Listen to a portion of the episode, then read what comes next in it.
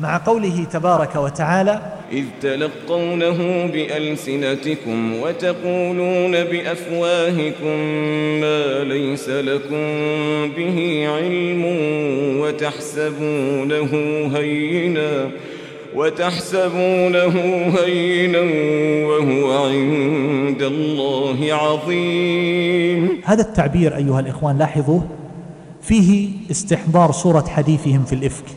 وتفظيعها وانظر إلى هذا التعبير. إذ تلقونه بألسنتكم.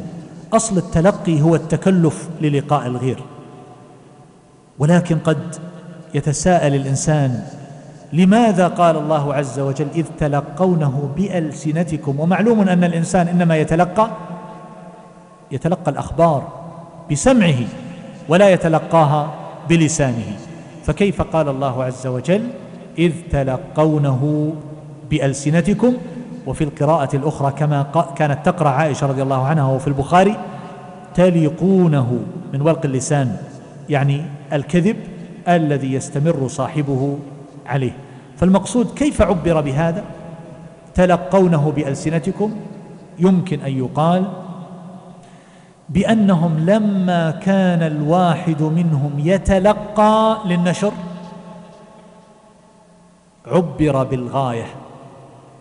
يتلقى لينشر والنشر يكون بإيش؟ يكون باللسان.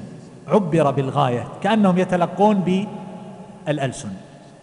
ويجاب بجواب آخر وهو أن في هذا إشارة إلى سرعة نشرهم لقالة السوء.